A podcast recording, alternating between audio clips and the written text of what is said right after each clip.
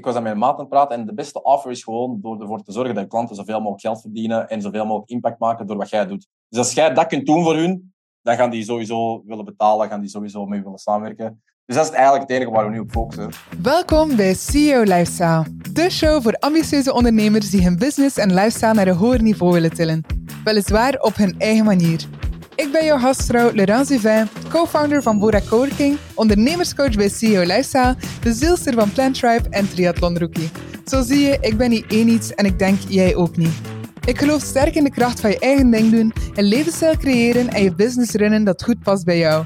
Niet jezelf veranderen om te passen in het plaatje, want druk hoort enkel in bubbels. In deze show kan je gezellig meeluisteren met gesprekken over hoe ik zelf en andere CEO's hun droomleven waarmaken en hoe we dit hebben aangepakt zodat jij hieruit kan leren. Ben je klaar om jouw CEO-lifestyle te uplevelen en geïnspireerd te worden? Je bent aan het juiste adres. Let's make it work. Een van de belangrijkste tools voor de groei van een CEO is niet kijken naar de buitenwereld, maar naar binnen. Naar wie jij bent als persoon en waar jij enthousiast van wordt. Ik zeg altijd: focus op je zone of genius. Datgene waar jij wild van wordt, wat niet voelt als werken en het heel automatisch vloeit.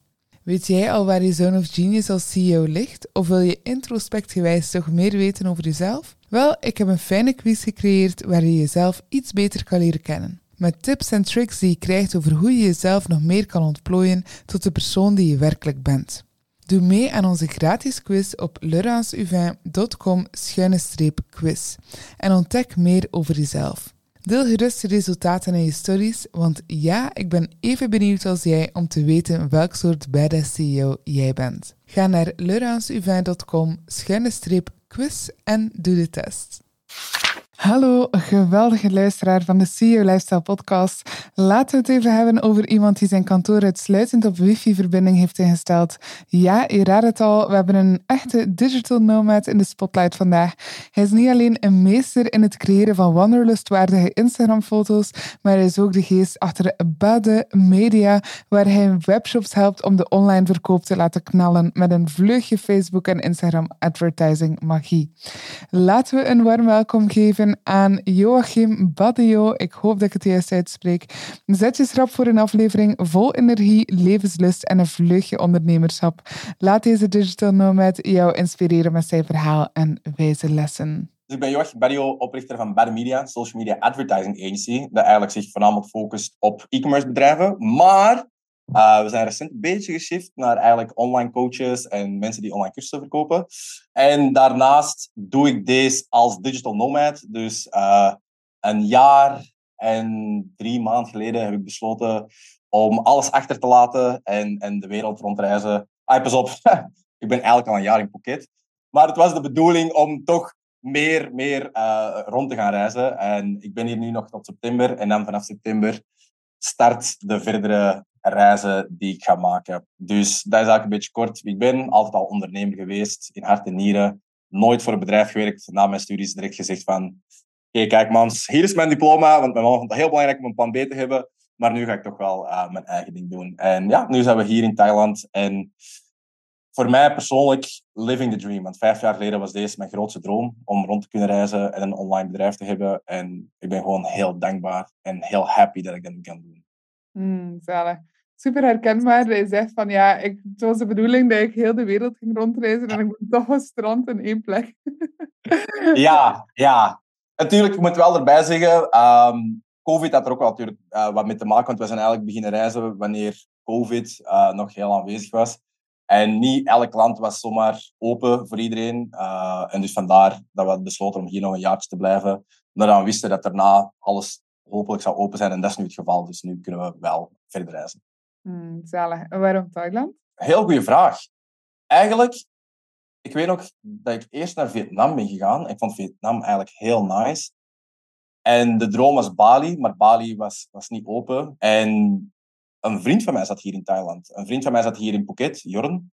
Like, Jorn is like een performance coach. En hij zat hier al een paar maanden. En ik dacht van, ah, weet je wat? Nu dat ik toch aan het reizen ben, misschien wel fijn om te gaan reizen naar landen waar ik weet waar vrienden van mij toevallig zitten. En dan zijn we eigenlijk hier gekomen door de Hijzat. En we vonden het eigenlijk super fijn, want in Vietnam bijvoorbeeld, we zaten in Da Nang. Ja, ik ben een kei kei moeilijke eter eigenlijk. En ik, ik eet zo veel met mijn ogen. En ja, dat is niet altijd even makkelijk. Dus ik had niet zo heel veel opties om te eten. En ik weet nog, toen ik hier in Phuket kwam, dat was voor mij ideaal, want je had hier heel veel westerse opties. En no offense naar iemand te luisteren, maar ik vind Thais eten veel lekkerder als Vietnamees eten.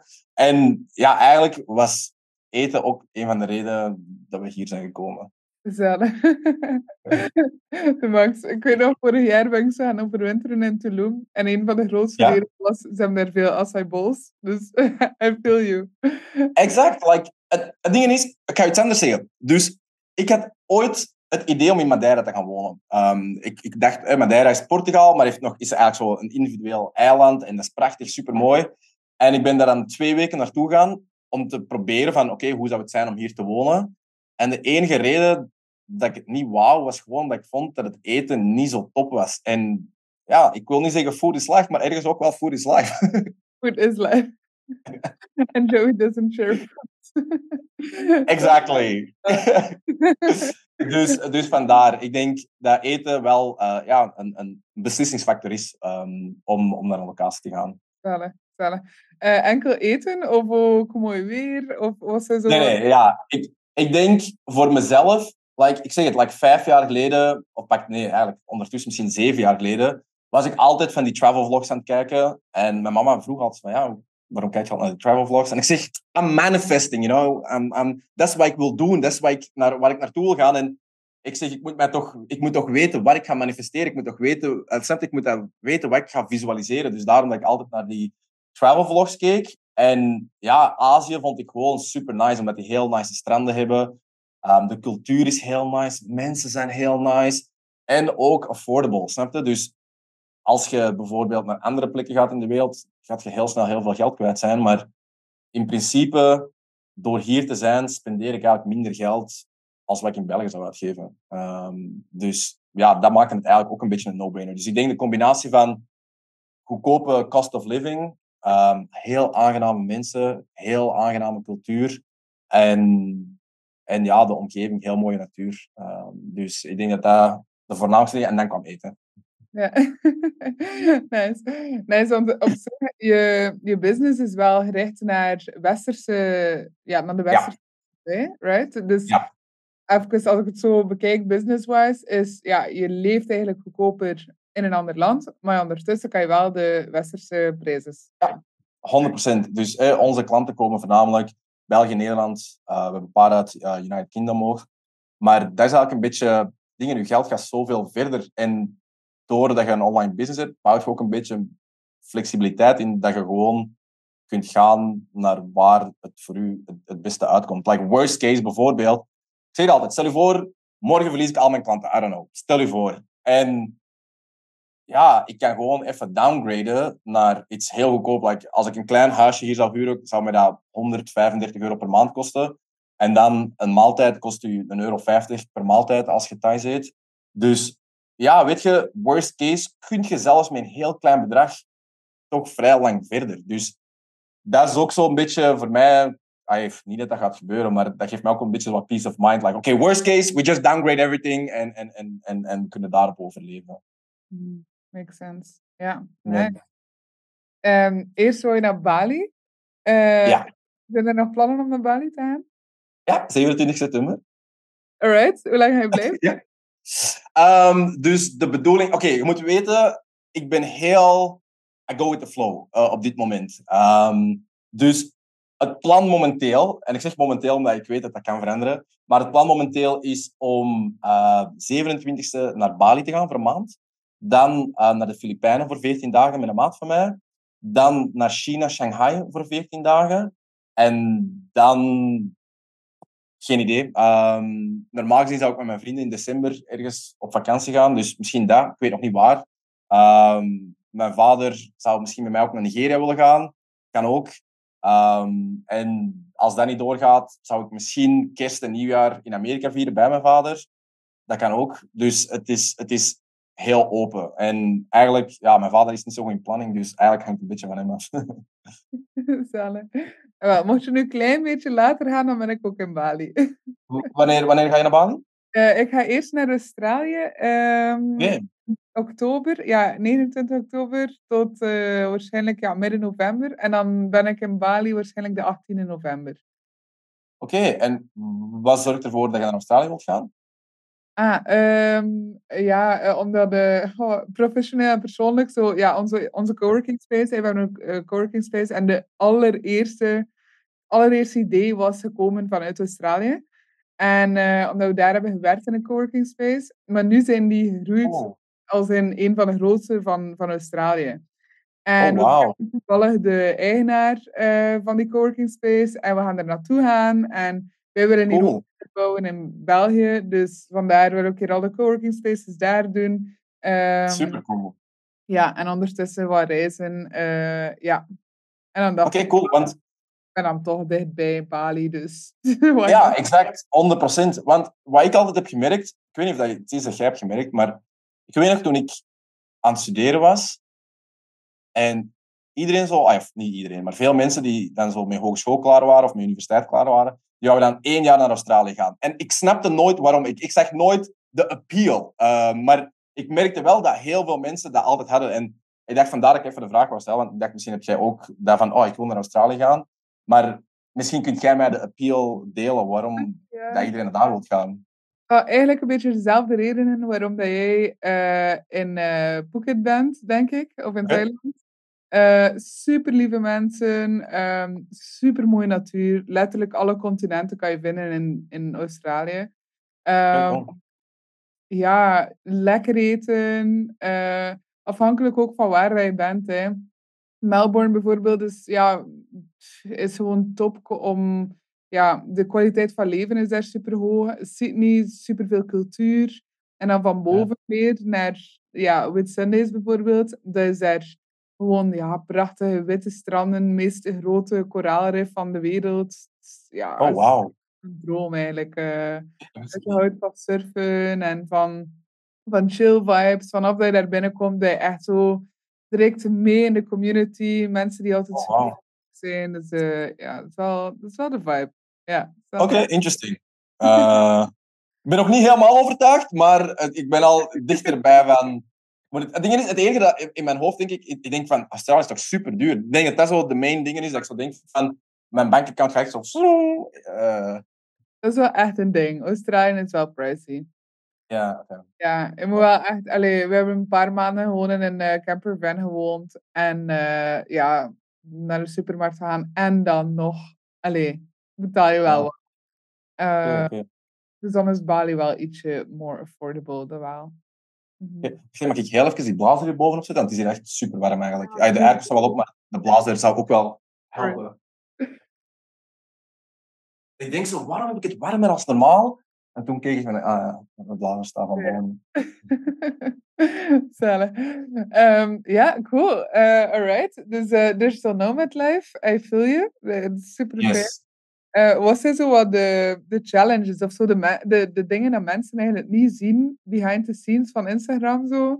Um, dat je zo zegt van, ga, dat is nu toch eigenlijk misschien wel ietsje van nadeelachtig, dat ik niet had voorspeld of zo.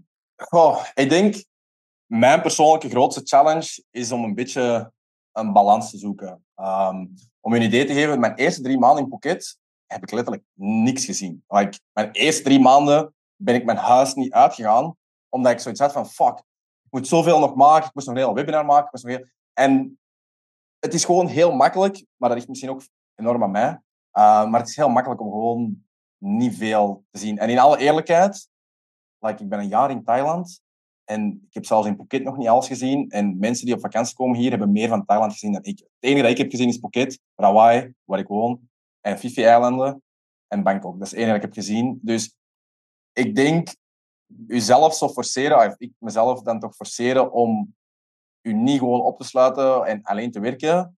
En op tijd ja, te zeggen van, oké, we gaan een uitstap doen of we gaan eens iets anders uh, bekijken. Ik denk dat ik dat het allermoeilijkste vind. Dat klinkt als een luxe probleem hoor, maar ik denk dat ik dat uh, het allermoeilijkste vind. En ook gewoon, like, al mijn dagen zien er eigenlijk zo'n beetje hetzelfde uit. En gisteren dacht ik van, eigenlijk dezelfde dag, maar different day. Like, I same stuff, different day. Maar dat ligt ook weer aan mezelf, want ja, ik kies zelf wat ik doe dus met mijn tijd. En nu heb ik, ik heb gewoon zo'n structuur en ik, ik merk van mezelf dat ik echt wel zo een gewoonte persoon ben. Dus eens ik een bepaalde structuur heb, wijk ik er heel moeilijk vanaf. Maar soms moet ik mezelf wel forceren om daarvan af te wijken. Uh, dus dan bijvoorbeeld vandaag stond ik op en dacht oké, wat ga ik doen? dacht ik, oké, misschien moet ik in het zwembad gaan. Want we hebben een zwembad, maar ik ben like, legit, ik gebruik dat zwembad wel nooit. En nu dat ik bijna weg ben, weet ik van, fuck, ik moet dat zwembad echt gebruiken, want anders ga ik echt spijt hebben. En dan dacht ik van, oké, wat ga ik nu doen? En dacht ik, oké, nee, ik ga naar het strand. Ik snapte gewoon, dacht, want ja, ik moet naar het strand, want het strand is maar 10 minuten van hier. Dus ja, dat is denk ik gewoon voor mezelf de grootste challenge om, om, om dingen. En dan denk ik de tweede grootste challenge is um, vriendschappen. Dus ja, ik heb, ik heb, dus je hebt eigenlijk voor mij twee soorten vriendschappen dat je opbouwt wanneer je aan het reizen bent. Eén soort vriendschappen, één soort vriendschap is de vriendschap die je opbouwt met andere mensen die aan het reizen zijn. Mensen die van België komen of Nederland komen of wherever. Maar de sad part is dat, ja, they come and they go. En dat was vrij heavy om dat te realiseren. Um, want in het begin staat je er niet bij stil. Maar dan als iedereen ineens weg is en you're the only one here, dan besef je eigenlijk zo van, oh wow, fuck. En dan kan eenzaamheid soms wel een, een, een ding zijn. Van, ja, snap je, je bent aan het reizen, maar je bent ook heel alleen. En dus dan heb ik vrij snel geshift en dacht ik van, oké, ik moet lokale vrienden maken. They ain't going nowhere. Dus um, heb ik ook nu, thank God, heb ik al een lange tijd wel drie, vier goede lokale vrienden die ik ook wel vrij vaak zie. En dat heeft dat wel zo wat beter in balans gebracht. En dan, af en toe komen er nog wel eens mensen van België of van ergens anders. Maar ik denk dat dat zo wel een challenge is, om oké te zijn met jezelf alleen. En zeker als er, als er niemand, niemand is. Um, dat, en dan, je zou kunnen zeggen tijdzone, maar eigenlijk werkt dat mijn voordeel. Want like, wanneer ik opsta, is iedereen in België, Nederland, UK aan het slapen. Dus ik kan gewoon zorgeloos doorwerken. En dan vanaf twee uur begin ik meetings te doen. En dat is negen uur in, in België. En dat komt flawless uit. Dus dat is wel amazing. En ik denk qua challenges, dat dat eigenlijk voor mij persoonlijk is. Um, voor de rest, ja, toen ik in België woonde, werkte ik ofwel in coworking space ofwel thuis. En dat is hier niet echt anders. Mm-hmm. Ik denk, ja, eerder zal het voordeel is dat je vaker met andere soort mensen in contact komt, waardoor je specialere mensen kunt leren kennen. En ik vind ook dat deze locaties ook het soort type ondernemers aantrekt dat ik zelf aangenamer vind, ik zal het zo zeggen. Dus dat maakt het ook wel heel fijn eigenlijk. Mm-hmm. Makes total sense. Ja, I hear you. Uh, super herkenbaar ook wel. Um, zo de vriendschappen die je dan opbouwt en dan zijn ze weer weg en dan mis je ze wel. Je kan ze wel zien en je zegt, ja, sowieso tot binnenkort ergens in de wereld, maar je weet exact. 99% van de mensen zien nooit meer terug. Hè? Ja, ja, en je volgt je wel op Instagram en zo. En eh, als je geluk hebt, kan dat wel, maar ja, en daardoor... Het ding is, je bouwt veel sneller, maar ja, daar ook weer zo sneller gewoon weg. Uh... Je weet gewoon zo elke dag, als je ze dan ziet, dan van soak it all up. Want dit kan binnenkort de laatste dag zijn. Ja. Hoewel dat ben ik, uh, vorige keer, dus vorige winter, was ik in uh, Tulum. En uh, ik weet niet, maar de energie daar is crazy. Je moet nog maar denken mhm. aan een persoon en die persoon staat plotseling aan je deur of die, like een uur later, zie je die die aan dacht in dezelfde straat. En um, we hadden ook zo'n een, een zo, met, met vier vrouwen. En uh, ook daar, we moesten nog maar aan elkaar denken en we zaten in hetzelfde restaurant, zonder dat we afspraken. We, we waren ook letterlijk... Magical. Ja, echt super magical. Bijna nooit op WhatsApp aan het afspreken, we zagen elkaar bijna elke dag. En, um, we zeiden van ja, oké, het was een van de laatste dagen, maar dat was precies alsof dat, dat like, niet een ding was of zo. Ik zei van ja, ik, ik ga wel weg, hè. Like, hallo, make it ja. like, uh, I'm going. En uh, dus ja, er waren een paar vriendinnen naar, uh, naar, naar mijn appartement gekomen. Maar een paar ook niet, omdat ze zo iets dachten van... Oh ja, waarschijnlijk zie ik die toch morgen of zo opnieuw. Maar like, was not the case. Nu, ja Super toevallig, maar onlangs, ja, we hadden uiteindelijk dan toch een WhatsApp-groepje gemaakt. En uh, ik zeg van, ja, by the way, dat weekend, ik ga naar Berlijn. En zij zo, no fucking way, Laurence. Like, wij gaan allemaal in Berlijn zijn. Like, en wij zijn van allemaal andere kanten van de wereld. Hè? Dus uh, mega crazy. We hebben een weekend gespendeerd in Berlijn. Uh, wow. In een appartement samen. En uh, ja, dat was echt beyond wild. Dat was echt crazy. That's crazy. Maar jullie hebben misschien gewoon samen daar een, een bepaalde verbinding op gemaakt. Dat, ja. dat jullie zijn op, op multiple ways connected, precies. Sowieso, sowieso. En gebeurt, dat gebeurt oh. niet vaak, want allee, ik heb een nee, waarbij dat, allee, ja, ik zeg het letterlijk, 99% van de mensen dat je niet meer ziet. Maar inderdaad, dat was zo beyond magical. Mega crazy. Ja. Super. Mm -hmm. Um, ja, we zijn zo aan het, aan het praten over digital nomad life. En toch hoor ik je zo tussen de, tussen de ja, soep en de patat, ik zeggen, maar tussen de lijntjes door, zo wat praten ook over ja, webinars, uh, en mijn klanten. Wat is zo wat de, ja, de, de ondernemersdeel ervan? Um, hoe zien zo jouw dagen eruit en hoe ziet jouw businessstructuur eruit? Wil ons ja. daar... Um, mijn dagen ik, ah, je hebt misschien er straks al wel gehoord, ik ben echt iemand die routine nodig heeft. Um, en ik weet, als ik geen routine heb, ben ik echt een kat voor de vogel. Of nee, een vogel voor de kat. Um, maar dan verlies ik mezelf.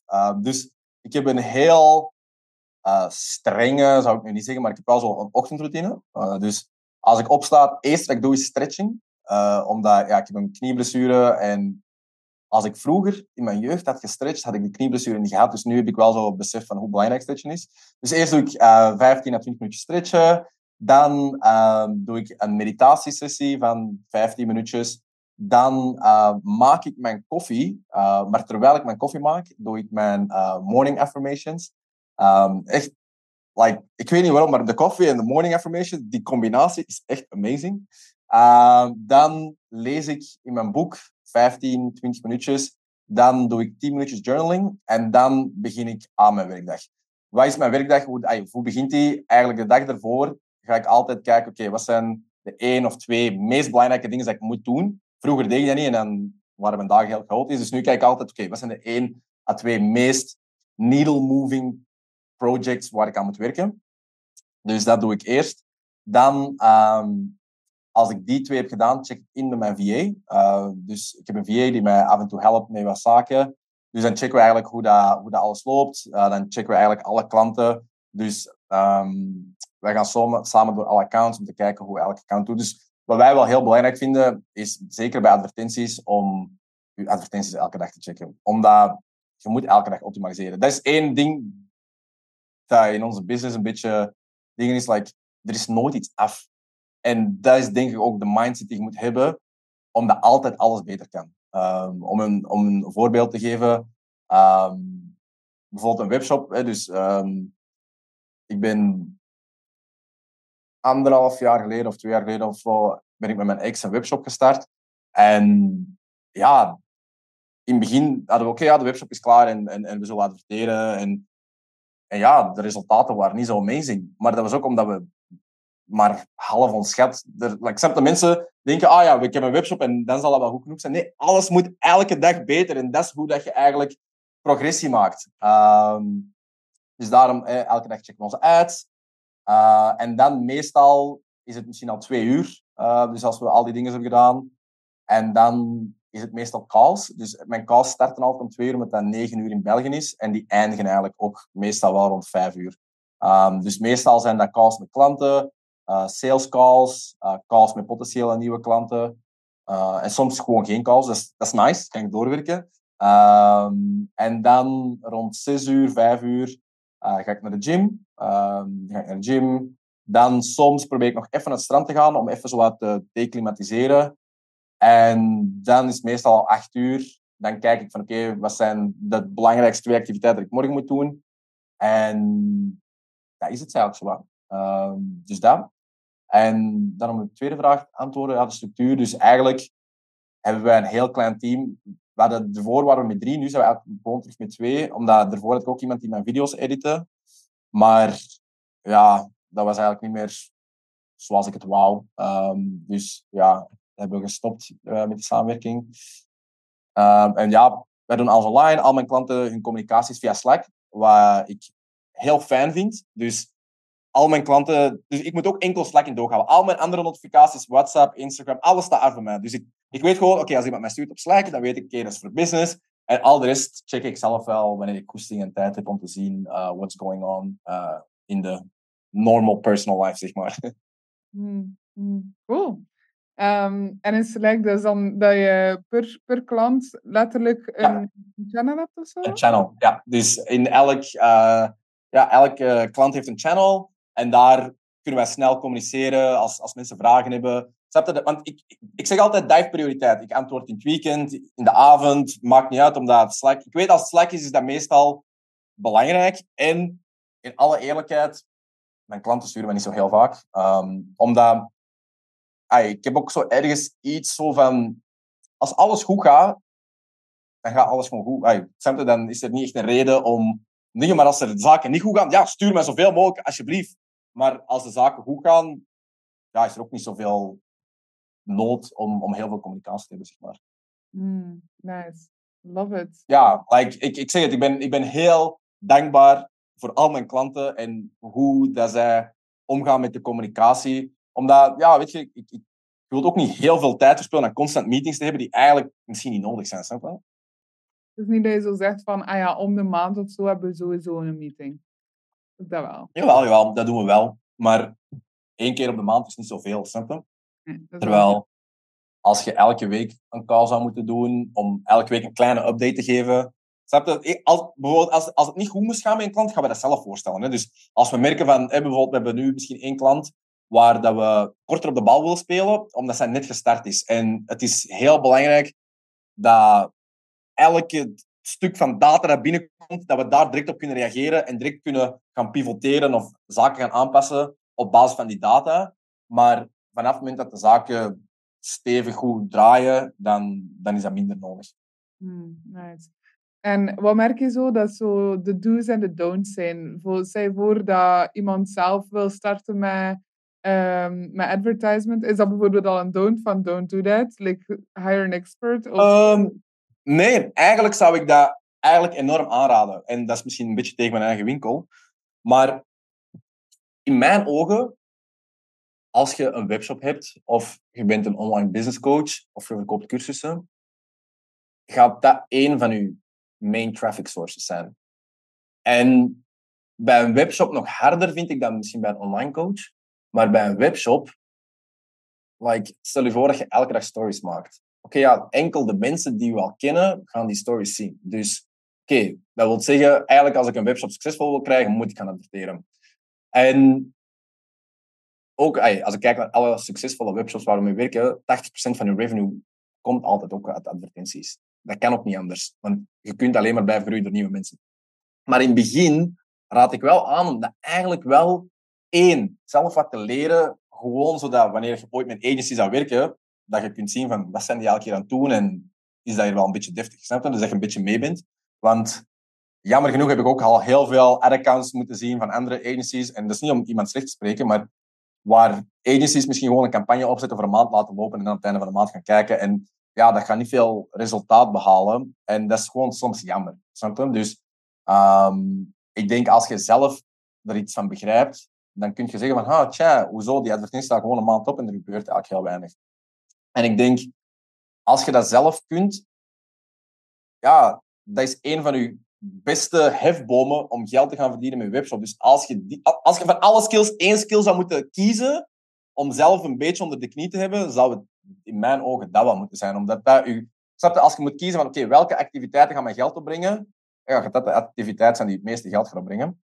Dus ik zou altijd aanraden om op YouTube te leren of op een opleiding te kopen, waardoor je op zijn minst in het begin zelf mee kunt. En dan, wanneer dat de zaken goed beginnen gaan, dan ja, gaat je je moeten gaan beginnen spreaden. Want ineens gebeurt er meer in je zaak. Snap je? Dus ineens gaat je meer customer uh, requests hebben. Supply chain. Supply chain, niet onderschatten. Toen ik, als een agency wist ik dat niet, maar toen we onze eigen webshop zijn gestart, toen zag ik pas echt van, wow, snap je? Er komt zoveel tijd bij kijken. Dan nog eens content voor Instagram, content voor TikTok. Dus op dat punt, ik denk als je aan 10.000, 15.000 euro per maand zit, dan zou ik gaan kijken van oké, kan ik een agency inschakelen die één, sneller, beter resultaat kan behalen en die gewoon kan amplifyen en beter kan doen wat jij doet. Maar als je zelf al tot 10.000 kunt geraken, dan heb je een goede basis, hoef je niet veel geld uit te geven.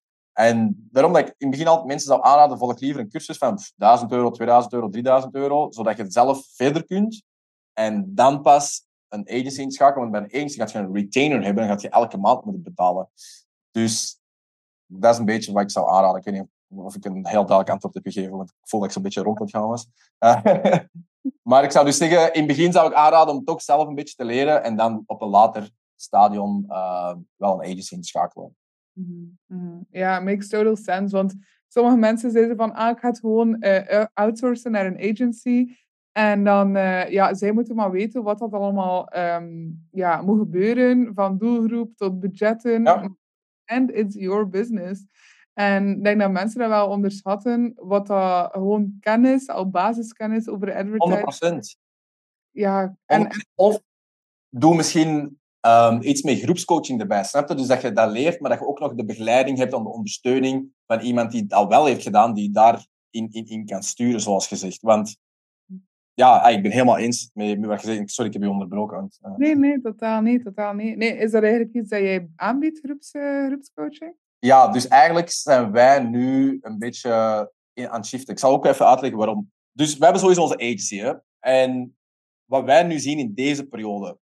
Dus 2020 was een boom voor e-commerce. Dus iedereen dat een e-commerce store had, like, ik wil nu niet zeggen dat je met weinig moeite, maar veel webshops gingen echt heel goed, puur door de economische omstandigheden. Mensen hadden tijd, mensen hadden geld.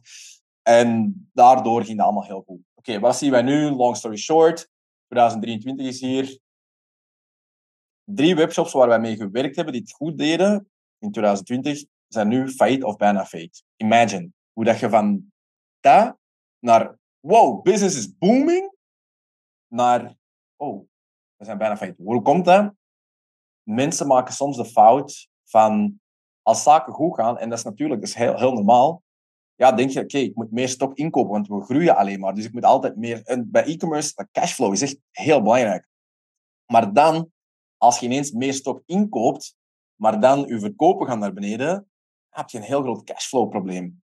En dat zag eigenlijk niemand aankomen. Iedereen dacht van, oh, dat gaat hier maar blijven, blijven, blijven stijgen. En nu, ah, ik denk dat we al in een recessie zitten, zijn mensen ineens heel conscious met hun geld. En is het ineens van, oké, ga ik 50 euro uitgeven aan uit eten te gaan, of aan die armband, of aan, aan, dat, aan dat topje bijvoorbeeld. Terwijl ervoor was er geld voor en dat topje, en die armband, en uit eten gaan. Dus nu ben je met iedereen aan het competen, in de plaats ervoor waar je enkel aan het competen met je rechtstreeks concurrenten. En wij zijn gaan kijken van, oké, ja, hoe kunnen wij onze klanten zo goed mogelijk gaan helpen? Want wij zien dat ook gebeuren. En toen was ik gaan denken van eigenlijk zou het meer sens maken als mensen in het begin gewoon een opleiding zouden kopen met groepsbegeleiding, waardoor zij eigenlijk maar een eenmalig bedrag moeten betalen. Want als je cashflow elke maand al zo tight is en dan moet je nog eens advertentiebudget uitgeven en nog eens een agency gaan betalen, ja, dat kan, dat kan je cashflow nog erger gaan maken. En ik weet hoe belangrijk de cashflow is. Dus ik was gaan kijken van, oké, hoe kunnen we iets gaan maken waardoor we mensen nog wel heel goede impact kunnen gaan creëren. En waardoor hun cashflow beter bewaard kan worden. En daarom zijn we met dat concept gekomen. Dus dat we eigenlijk um, ja, groepsbegeleiding hebben waar ze dat zelf leren, maar dan ook nog met ons op call kunnen springen om toch goede resultaten te behalen. En dan natuurlijk voor de webshops die wel, hè, bijvoorbeeld, we hebben net een, een, een nieuwe klant en die doen 40, 50.000 euro organic. Die kunnen wel gewoon met een agency starten, want die hebben geen tijd om zelf dat nu te gaan leren en dat te gaan dingen. Dus zo hebben we dat nu eigenlijk uh, gaan op, opgesplitst, zodat we eigenlijk iedereen nog wel kunnen helpen, maar gewoon op de beste manier voor die persoon op zich. Ik ga jou een geheim vertellen. Mijn grootste productiviteitshack. Wanneer ik thuis werk, ben ik best afgeleid. Je kent dat wel, hè. De afwas van het ontbijt staat nog in mijn keuken. Op de grond van mijn slaapkamer liggen kleren. Mijn gsm trilt dan. En op reis moet ik zoeken naar een plek met wifi, Zoom-meetings doen in een drukke luchthaven en wil ik tussen de meetings door de lokale plekjes wel eens bezoeken. Maar dat is niet zo goed voor mijn productiviteit. Op zo'n dagen kan ik drie dagen doen over taken die ik eigenlijk in een halve dag zou kunnen. Nu, wat is mijn allergrootste productiviteitshack? Ik ben een klein beetje bevooroordeeld, want ik heb het samen met Justin zelf gecreëerd. Maar dat is onze coworking. Bora Coworking. Een plek waar ik uren gefocust kan werken samen met andere ondernemers die minstens even serieus zijn over hun doelen, waar ik mijn coaches van CEO Lifestyle kan uitnodigen, de podcast kan opnemen en geregeld op een leuke workshop of event kan bijleren. Waar er ook prachtige vergaderruimtes zijn, met letterlijk alles ik nodig heb om mijn werk professioneel te kunnen doen.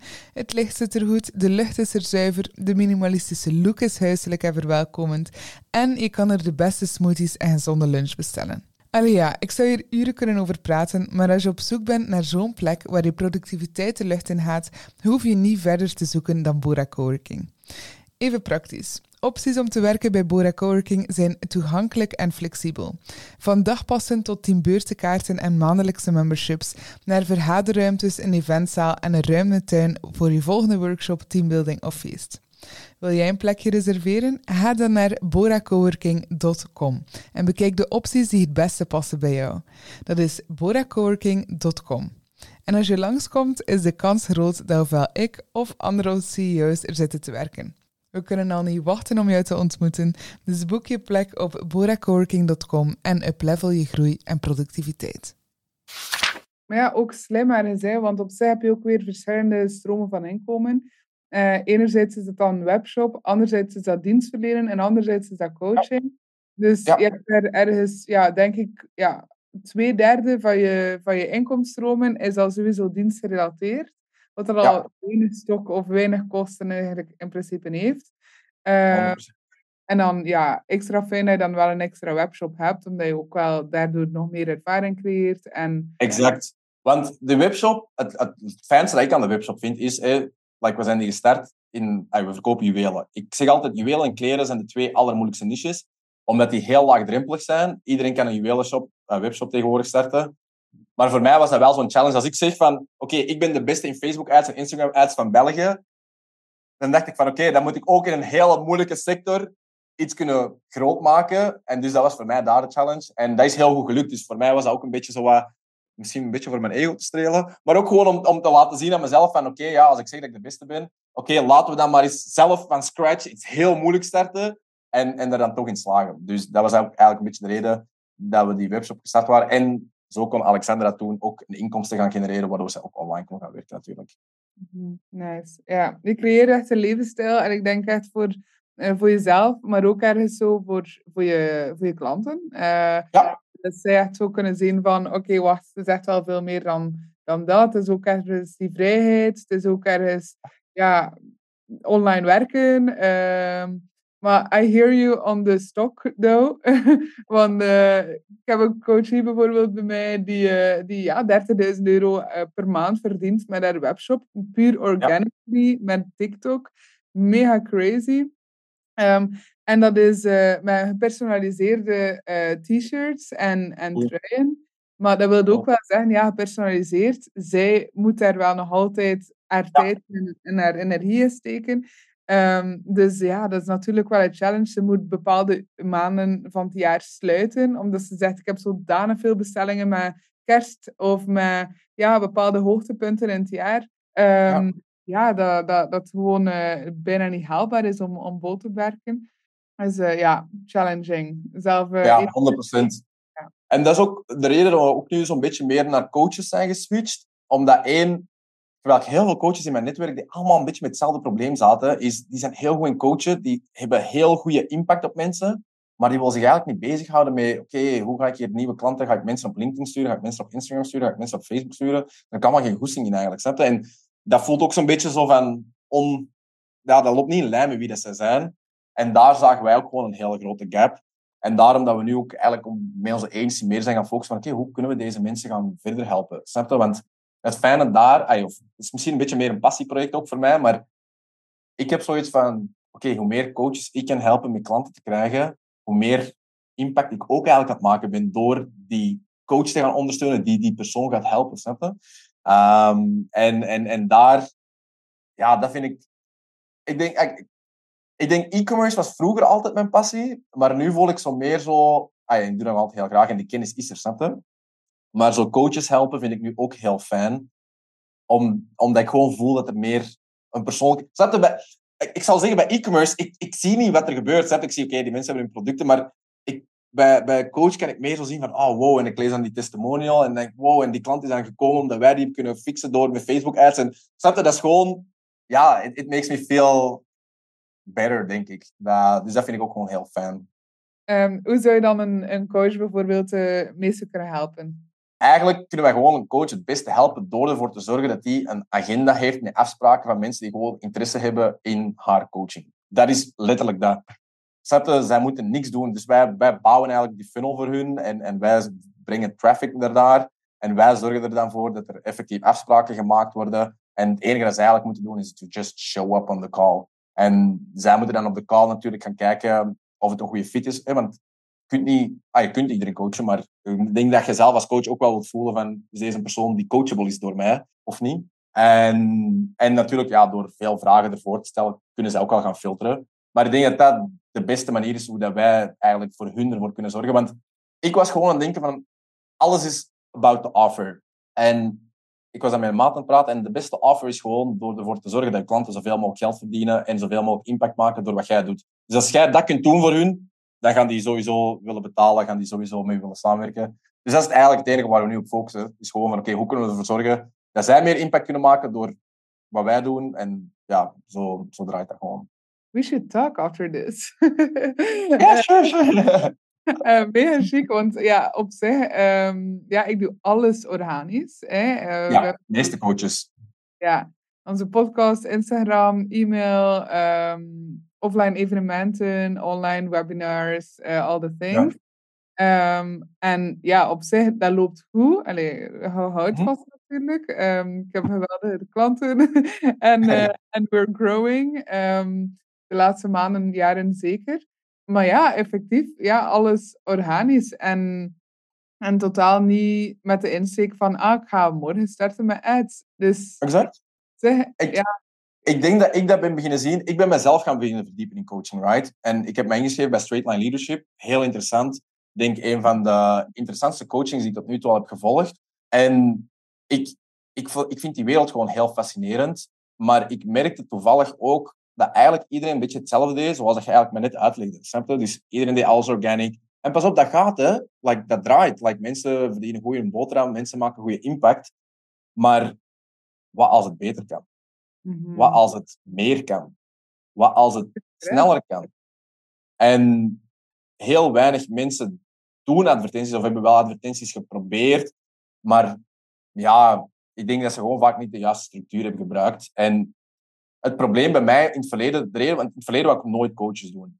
En de reden was omdat ik had geen controle over, ik had enkel controle over de ads, right?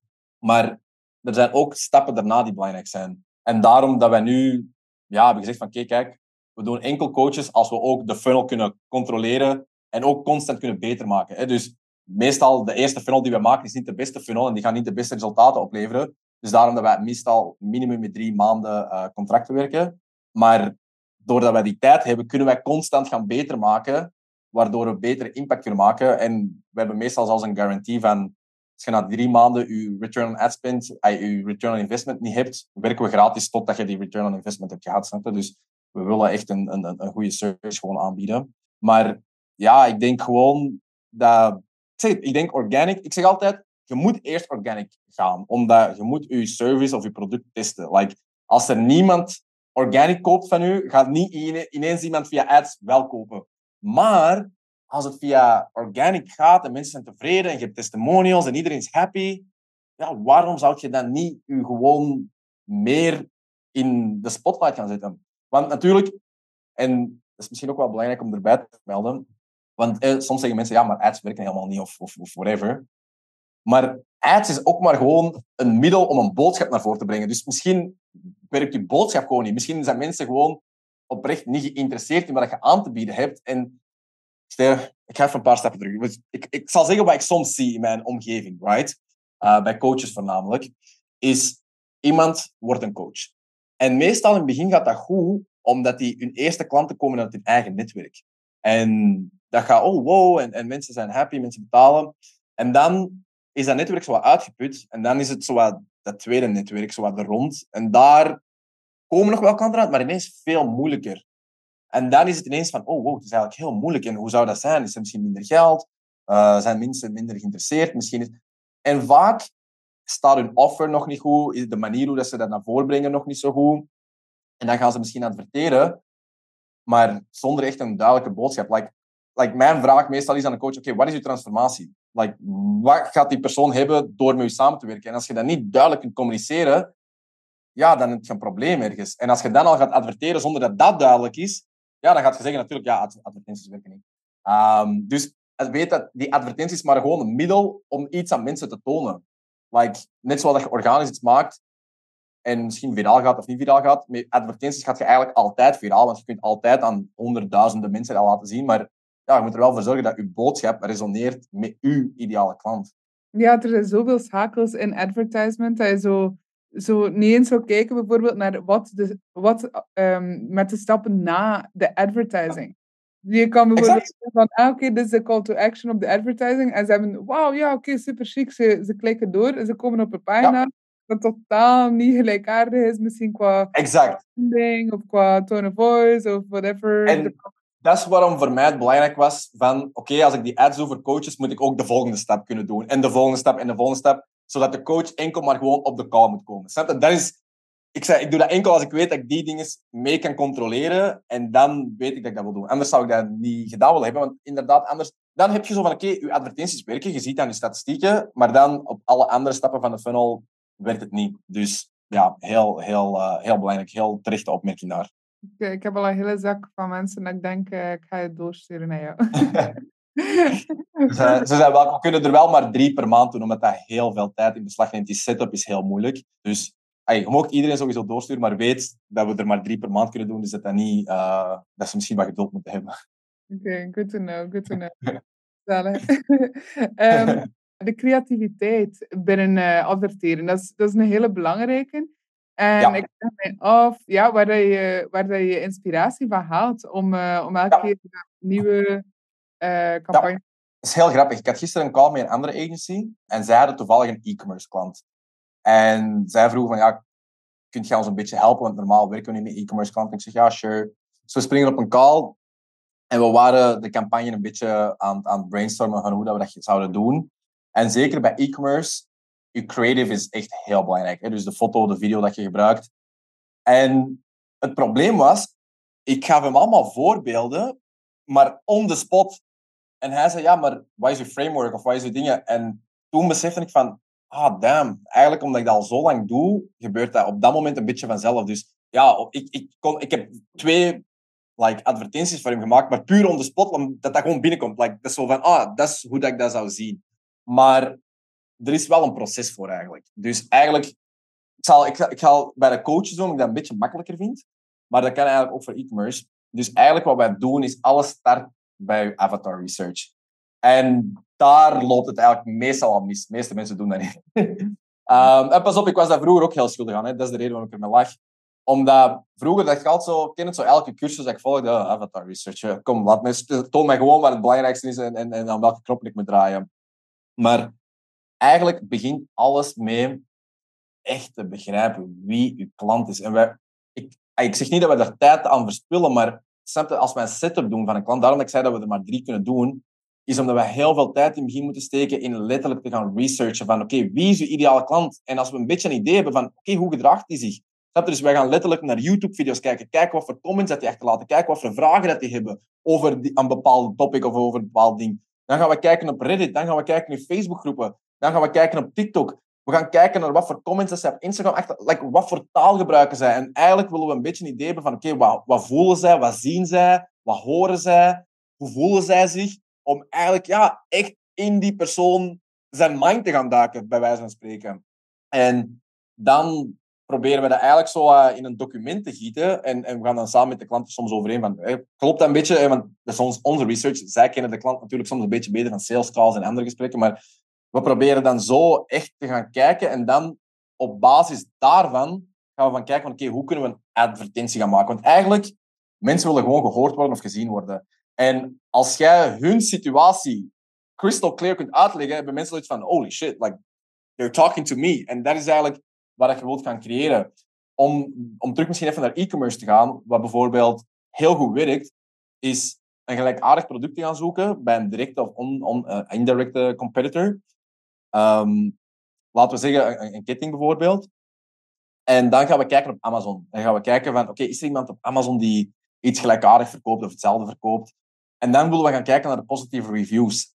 En soms gaan we gewoon... Soms gaan mensen een heel uitgebreide positieve review um, schrijven. Like bijvoorbeeld, ja, ik had dat gekocht en ik had dat aangedaan. Ik was op straat gewandeld. En mensen zeggen, maar dat ziet er kei mooi uit, bla bla bla. En dan kwam ik bij mijn familie terecht.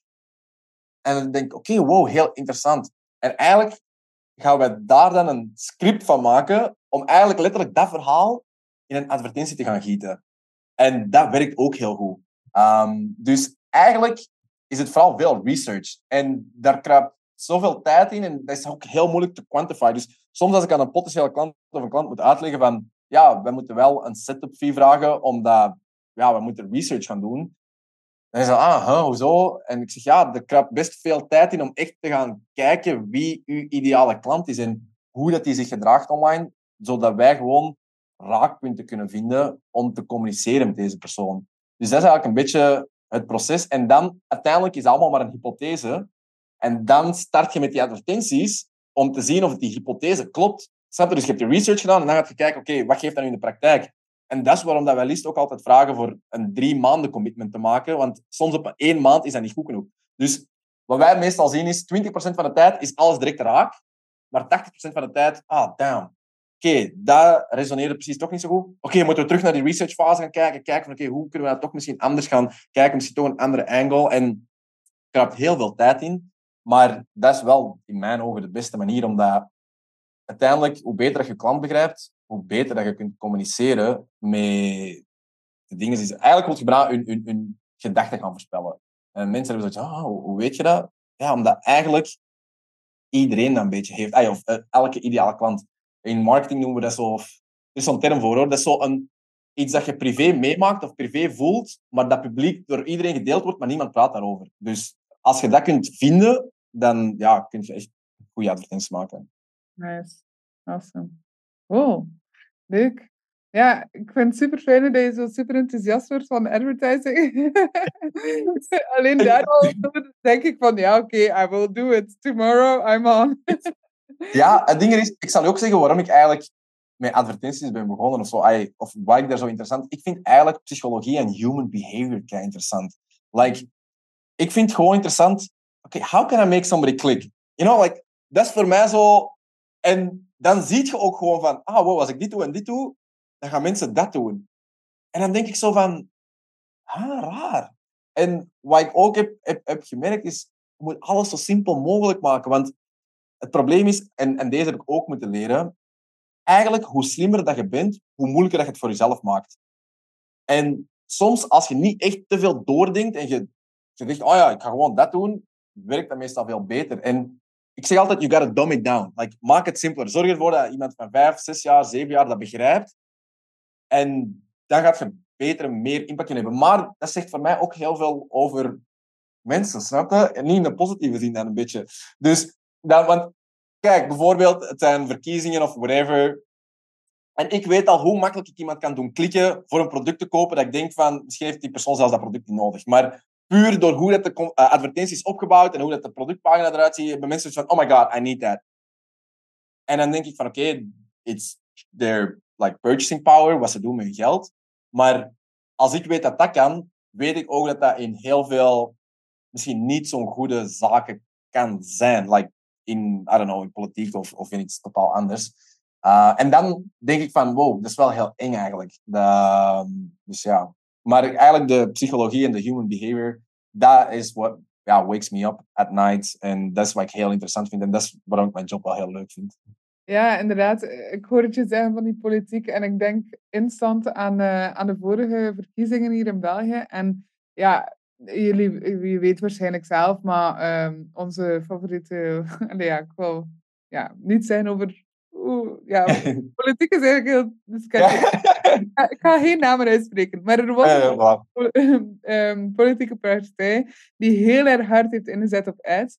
En er was een bepaald punt waarbij ik als... Ja, ik ben veganistisch. Hè, ze waren aan het advertisen over ja, dierenleed. En, ja. uh, en ik dacht, wat, wat de hel even hebben jullie te maken met dierenleed? Want jullie doen er eigenlijk waarschijnlijk niets voor. Maar toch? Ja. En een andere vriendin van me had, ja, waarschijnlijk, ja, was super geïnteresseerd in sport. En zij kreeg dan dat ze meer gingen inzetten op sport. En dan de andere persoon. Dus ja. zelfs daarin is het wel super interessant om te zien van, oké, ze hebben één bepaalde missie. Ze willen zodanig veel mensen hebben dat, ja, fouten op hun. Maar we gaan kijken naar hun interesses. Dus we gaan bepaalde doelgroepen gaan selecteren. We gaan bepaalde uh, boodschappen gaan, gaan selecteren, zodat we weten dat we ze triggeren en dat ze dan ons ons stemmen. 100 procent. En it's, it's scary, maar je moet het doen, want als jij het niet doet, gaat je concurrent het wel doen, of, of, of de andere. Maar, uh, maar het is wel crazy, want dan zie je gewoon van één, hoeveel macht mensen misschien hebben, maar ook één, hoe weinig mensen eigenlijk nog echt nadenken. En gewoon, die zien iets en ah ja, die nemen dat voor waarheid. En dan natuurlijk, als er waardegedreven ondernemers zijn, hè, zoals de luisteraars hier bij ons, gelukkig, um, die, uh, ja, die kunnen dat dan ook wel effectief gaan gebruiken. In die zin dat, ja, gebruiken voor de higher good, voor de positieve... Exact. En dat is bijvoorbeeld daarom dat ik coachingklanten ook heel leuk vind, is omdat ja, je weet dat je een impact aan het maken bent door de impact dat de coach gaat maken op die persoon zijn privéleven, snap je? Of zijn businessleven. En dat is amazing. Like, dat is super fijn. Ja, zalig. Ja, heel interessant. Ik vind het echt super boeiend. Um, we zijn hier al een uur uh, aan het praten over oh, wow. Uh, all things digital nomad en, uh, en advertising. Um, ik vind, uh, ik vind het super, uh, ja, super interessant en ik, en ik denk wel dat mensen uh, er heel veel aan kunnen hebben um, om het rechtstreeks ja, toe te passen in een business. Wat zou, mhm. wat zou een tip zijn dat je zou geven voor um, mensen die vandaag zouden willen starten met advertising? Oké. Okay. Het eerste ding dat ik zou zeggen is, je moet starten met advertising. Zelfs als het maar met een heel klein budget is. Want ik ga je zeggen waarom. Like, alle grote bedrijven snappen dat. Mensen moeten u meestal zeven keer gezien hebben om top of mind te blijven. Like, dus als je dat al niet doet, wil dat zeggen dat je klanten of je klantenbestand of je toekomstige klantenbestand, als je dat niet doet, altijd zal bestaan uit je huidige volgers, uit je huidige ecosysteem eigenlijk.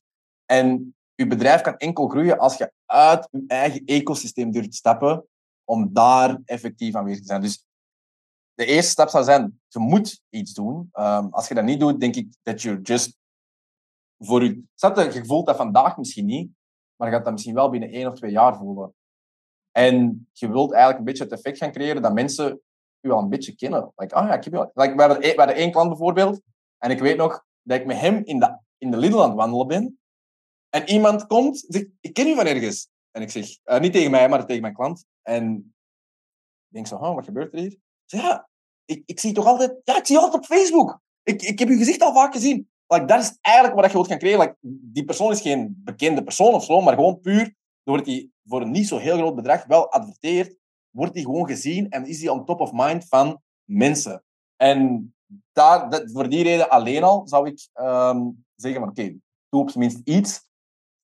En misschien nog een tweede tip om eraan aan, aan toe te voegen, is ja, wees niet bang als je die return on investment niet direct in die eerste tien dagen voelt. Like, dat is een beetje een long-term ding. En dat is wat grote bedrijven wel snappen, is die zes touchpoints. Dat is niet op één dag dat ik zes keer gezien ga worden.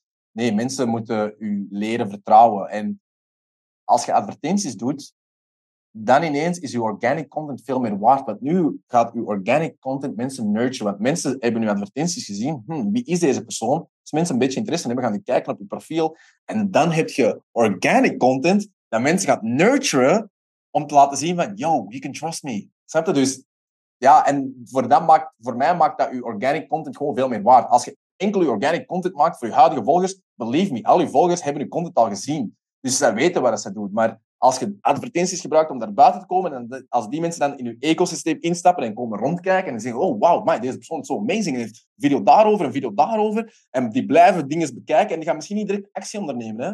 maar zo begint het vertrouwen wel op te bouwen. Want iemand zei mij, je hebt zeven uur nodig dat je met iemand spendeert om iemand echt te vertrouwen.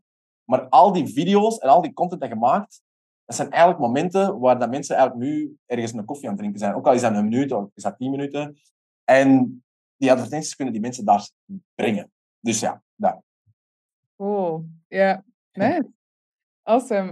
Um, ja, ik, hou, ik, had dat nog nooit gehoord van die, uh, van die zeven uur uh, tot wanneer dat mensen... Uh, ik had dat ook recent dat een ondernemer dat met mij gedeeld, dat het zeven uur duurt. Ik denk dat in de boek Influence van Galdini, ik weet niet meer zeker, um, en daar stond in, dus zeven uur. Als je zeven uur met iemand doorbrengt, dan vertrouwt je meestal die persoon echt. Maar in deze tijd, als iemand een video van 10 minuten heeft gezien, nog een video van 10 minuten, en je, dat, dat begint op te stapelen, waardoor je niet die tijd constant met die persoon echt fysiek in dezelfde ruimte moet zijn.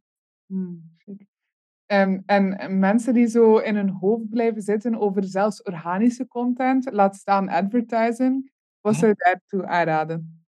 Ik zou voor organische content, en pas op, ga misschien een beetje tegen draad klinken als ik wat ik zeg, maar ik zou zeggen, probeer niet alles gewoon te perfect te maken. Je boodschap is veel belangrijker dan hoe dat visuals eruit zien.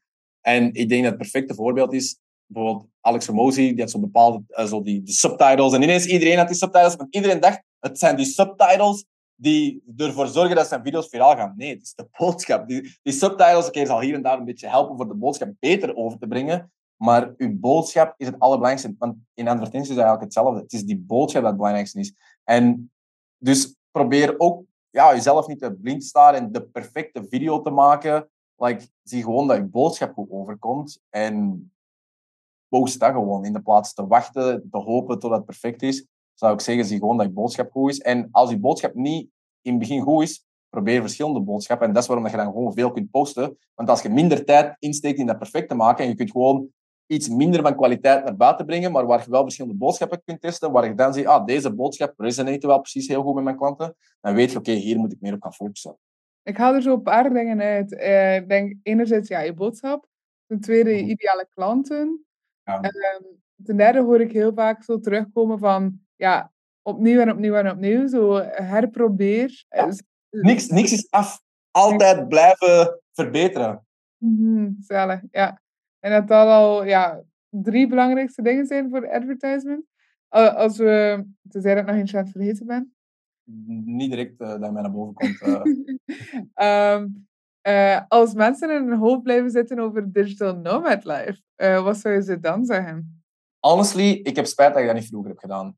Um, ik denk dat dat voor mij een van de best things that I ever did. Dus in het begin reisde ik gewoon wat vaker, wat ook heel nice is. Um, dat was zo'n goede voorproever. Maar Like, ik krijg zelfs kippenvel als ik erover denk, maar de mensen dat je ontmoet... Like, ik heb zoveel coole mensen van België ontmoet, dat ik nooit in België zou ontmoet hebben. Dus dat bijvoorbeeld alleen al. Dan ten tweede, ik heb celebrities ontmoet die ik anders ook nooit zou ontmoet hebben. Like, en, like, bijvoorbeeld Central C. Ik weet niet, like Central C is like een, een, rapper die op dit moment heel bekend is. Honestly, ik had totaal geen idee hoe hij eruit zag.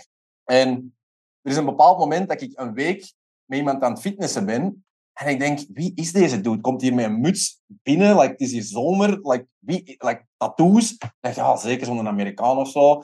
En dan een week later, dus ik zie hem elke dag. En een week later zie ik op de Instagram van mijn kapper dat die een foto hebben met hem. En ik denk, oh, waarom wil mijn kapper een foto met hem? Dus ik ga kijken wie dat is. Ik zie zo'n 7 miljoen volgers. En ik zeg, wow. Ik zeg, ah, dat is die rapper Central C. En dan heb ik beseft, eigenlijk hier in Phuket, dat is een locatie waar iedereen naartoe kan komen. Dus bijvoorbeeld, ik ben hier Joshua Kaats tegengekomen. Ah, ik heb die gezien. Like, dat is zo een bekende dropshipper uh, vanuit Nederland. Dan ben ik Dwight Howard hier tegengekomen, een bekende basketter uit Amerika. Dus je kunt hier echt letterlijk, you can bump into anybody. Like, eergisteren was ik um, in een hotel en ik zag iemand naast mij, die was een call aan het hebben. En ik vroeg ze, ja, yo, wat doet je eigenlijk? En long story short, hij is een multimiljonair, dat een investeerder is. Dat... En ik dacht zo van, wow, like, zo'n persoon was ik in België waarschijnlijk, was de kans veel kleiner, dat ik die gewoon toevallig ergens zou tegenkomen. Dus ik denk dat, um, dat je netwerk extreem kan groeien en je leert jezelf kennen op, op manieren dat je niet in België zou gehad hebben, omdat je uit je comfortzone zit. En het feit dat je uit je comfortzone gaat en totaal dingen doet die niet normaal zijn voor u of, of die je niet gewoon bent, ja, dat gaat je challengen. En ja, ik denk dat alle groei en alle dingen uit de comfortzone gebeuren wanneer je jezelf challenged. Dus uh, ja, I love it. And I love every minute of it. En oké, er zijn downtime. Like, like, alleen zijn is, is, is, is, is moeilijk. Andere mensen zeiden dat tegen mij ervoor. Ik snap dat niet goed. Maar eenzaamheid is soms wel moeilijk. Maar ja, dat ligt ook aan jezelf. Snap je? Like, ay, nee, dat ligt niet helemaal aan jezelf. Maar je kunt daar zelf dingen aan doen. Bijvoorbeeld, ik ben dansklassen gaan volgen. Ik heb nog nooit danslessen gevolgd. En ik dacht, oké, ik moet iets out of, out of the comfort zone doen. En dan ben ik gewoon gaan rondkijken. En ik heb dan uh, twee uh, kizom, nee, niet kizom, uh, zoek, zoek uh, een Braziliaanse zoek ge gevolgd. En ja, zo challenge je jezelf om dingen, dus ik zou het zeker aanraden. Zalig, zalig. Super chic, ja, absoluut. En I agree, ik zou het ook super hard aanraden. En zeker ja. Momentje, eigenlijk is, is het belangrijkste moment in heel die, in heel die fase een mooie vluchtticket boeken, toch? Just, just do it. Ja, ja, 100%. Um, ik weet ik denk, ik denk eigenlijk nooit echt heel veel na bij mijn vluchten te boeken, maar ik denk inderdaad, voor mij is denk ik eerst zo wat de locatie kiezen. Gewoon van, ah oké, we gaan daar naartoe. En, en pas op, weet je wat het probleem bij mij is? Ik normaliseer dat een klein beetje, omdat ja, de mensen met wie ik spreek reizen ook veel en dingen. Maar soms spreek ik dan met andere mensen en denk ik, eigenlijk is dat wel echt crazy wat we doen. Ah, of, snap je, dat is zo... Ja, en ik, ik, vergeet dat soms. Maar effectief, dat, ja, ik denk zo, vanaf dat je in het buitenland bent, dan is het precies geen ding niet meer. Zo, dan ben je mhm. gewoon vrij om elke vlucht te boeken dat je wilt. Maar om, om vanuit België weg te gaan, dan worden alle touwtjes precies queen hoe hard ja. aangetrokken van nee, je moet hier blijven, want deze reden en deze reden. En nee, maar ik ga je zoveel missen. Of ja, maar het is zo die verjaardag van die vriendin. Of zo van, ja. je gewoon niet missen. En je mama en je oma is in het ziekenhuis, dat kan je toch ook niet. Zo, snap je? zo ja. om te blijven. En pas op, sommige legit, hè. Ehm, maar van, ik heb precies het gevoel vanaf dat je dan even zo ja, even weg bent, dat, dat, dat, dat de grenzen gewoon van de wereld veel minder afgeleid zijn of zo. 100%. En ik denk ook dat dat voor iedereen anders is. Want heel veel mensen zeggen ook tegen mij van wat je doet, zou ik niet kunnen doen. Voor heel veel van de redenen die je net hebt opgezomd. Ik denk gewoon bij mij het verschil is, is, ik wist altijd dat ik deze ging doen. Dus bijvoorbeeld, ah, ik ga een paar voorbeelden geven, maar bijvoorbeeld, ik heb nooit een appartement gehuurd waar ik meubels moest kopen, omdat ik wist, ik moet een bemeubeld appartement huren, want als ik vertrek, kan ik die meubels niet meenemen en ik wil niet investeren in iets dat ik niet kan meenemen. Dus ik heb twee keer een appartement gehuurd, want ik wist niet wanneer ik ging vertrekken, maar ik wist dat dat ging gebeuren. En ik denk het tweede, wat in mijn na- en voordeel speelde, is... Dus mijn ouders zijn gescheiden en mijn vader is op toen ik zes was in Amerika gaan wonen. En eigenlijk heeft me dat geforceerd om te leren to love on a distance.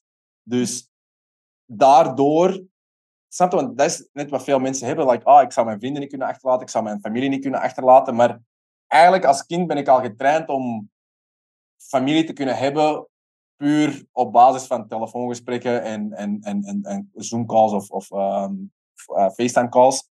En dat heeft eigenlijk ergens een beetje in mijn voordeel gespeeld, omdat dat mij eigenlijk dat al had, daarop getraind had. Ja, ik denk dat dat een, ja, een belangrijke factor is, hoe de liefde op afstand. Laat staan als je een vriendje hebt of een vriendin die misschien niet echt mee wil of zo.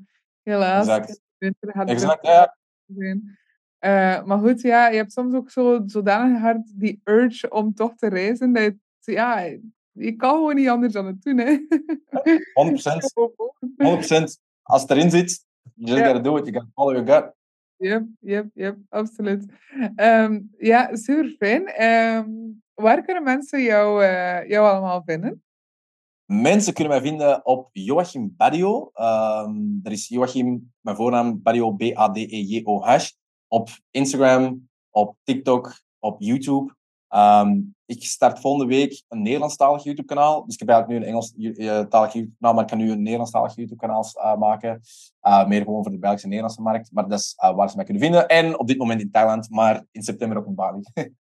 Gezellig. Wel, wie weet, komen we elkaar toch ergens tegen. ja. En, ja. Ik denk sowieso. Like, kijk, ik ga dat niet zeggen, maar dat gaat sowieso gebeuren. Maar we weten gewoon niet wanneer. Nee, voilà, dat is Waarschijnlijk zal ik dat nou denken. En zo op de meest random moment ook zo. Zo, ja. zo, zo even vergeten en dan plots zo... Nee, in de supermarkt hier. Ja, Dat, it, it, it already happened. Dus ik, ik, ik, meestal, meestal gebeurt dat zo. Hmm. Ja, mega fijn. Want op zich, je blijft ook zo in mijn radar aan het, in, het online gegeven. Zo. Dus we hebben elkaar denk ik leren kennen op Instagram. Maar ook al even... Ja, ja, want ik ging normaal langskomen voor een podcast te doen. En ik, ik weet niet wat er toen uh, is tussengekomen. Maar dan is het er niet van gekomen. En dan nu ineens uh, ja, hebben we dat gewoon terug uh, opgepikt. En hebben we dat gewoon gedaan. Ja, yeah. the stars were aligned. exactly. Well, kijk uit naar, jou, naar jouw toekomst, naar de, naar de reizen die je allemaal gaat maken. Naar de, likewise, likewise. Um, dus we stay in touch. En, um, yep. en, en voilà, dan, dan ja, mogen de mensen jou altijd waarschijnlijk contacteren als ze vragen hebben rond... Zeker en vast. Advertising. Zeker vast. En wees niet bang om vragen te stellen. Want hoe meer vragen dat je mij stelt... Want soms zijn mensen een beetje bang om vragen te stellen. Maar hoe meer vragen dat je mij stelt, hoe betere content ik kan maken voor jullie. Want jullie geven mij letterlijk feedback van de markt. En zo kan ik betere content maken, betere advertenties maken. Dus wees niet bang om vragen te stellen. Love it. Love it. Super. Ik denk dat we hier nog uren al kunnen verder praten. Uh, Zeker. En waarom niet? Misschien uh, binnen een jaar of zo doen we nog een keer een 2.0 versie. Uh... I would love that. I would love that. Ja, yeah, awesome. That's the deal. top, top, top, top, top, top, top. Alright. Thank you trouwens for, for having me. Like, merci oh, voor de Absolutely. Uh, dankjewel voor je kostbare tijd met mij te willen delen. Het is heel, heel graag gedaan. Alright. Joachim, I will uh, see and speak to you in in soon or not soon, we will see. Maar um, okay. dit, was, uh, dit was awesome. Alright, Alright top. Ik ga je later dan. Uh, ik ga mijn guests hier warm ontvangen en uh, iets gaan eten nu. Zalig. Alright, enjoy your day. Thank you, bye bye. Let's do a happy dance, want jij hebt alweer een episode beluisterd van de CEO Lifestyle Podcast. Je hebt opnieuw tijd en energie geïnvesteerd om bij te leren en te groeien. En dat mag gevierd worden. Krijg je er niet genoeg van en hunker je naar meer? Surf dan naar ceolifestylepodcast.com en vind daar een overzicht van wat we net hebben besproken. En wil je meer connectie met gelijkgestemde ondernemers? Voeg je dan toe aan de CEO Lifestyle Facebookgroep. De link vind je via ceolifestylepodcast.com. Ik zie jou in de volgende aflevering. Ciao! Ciao, ciao!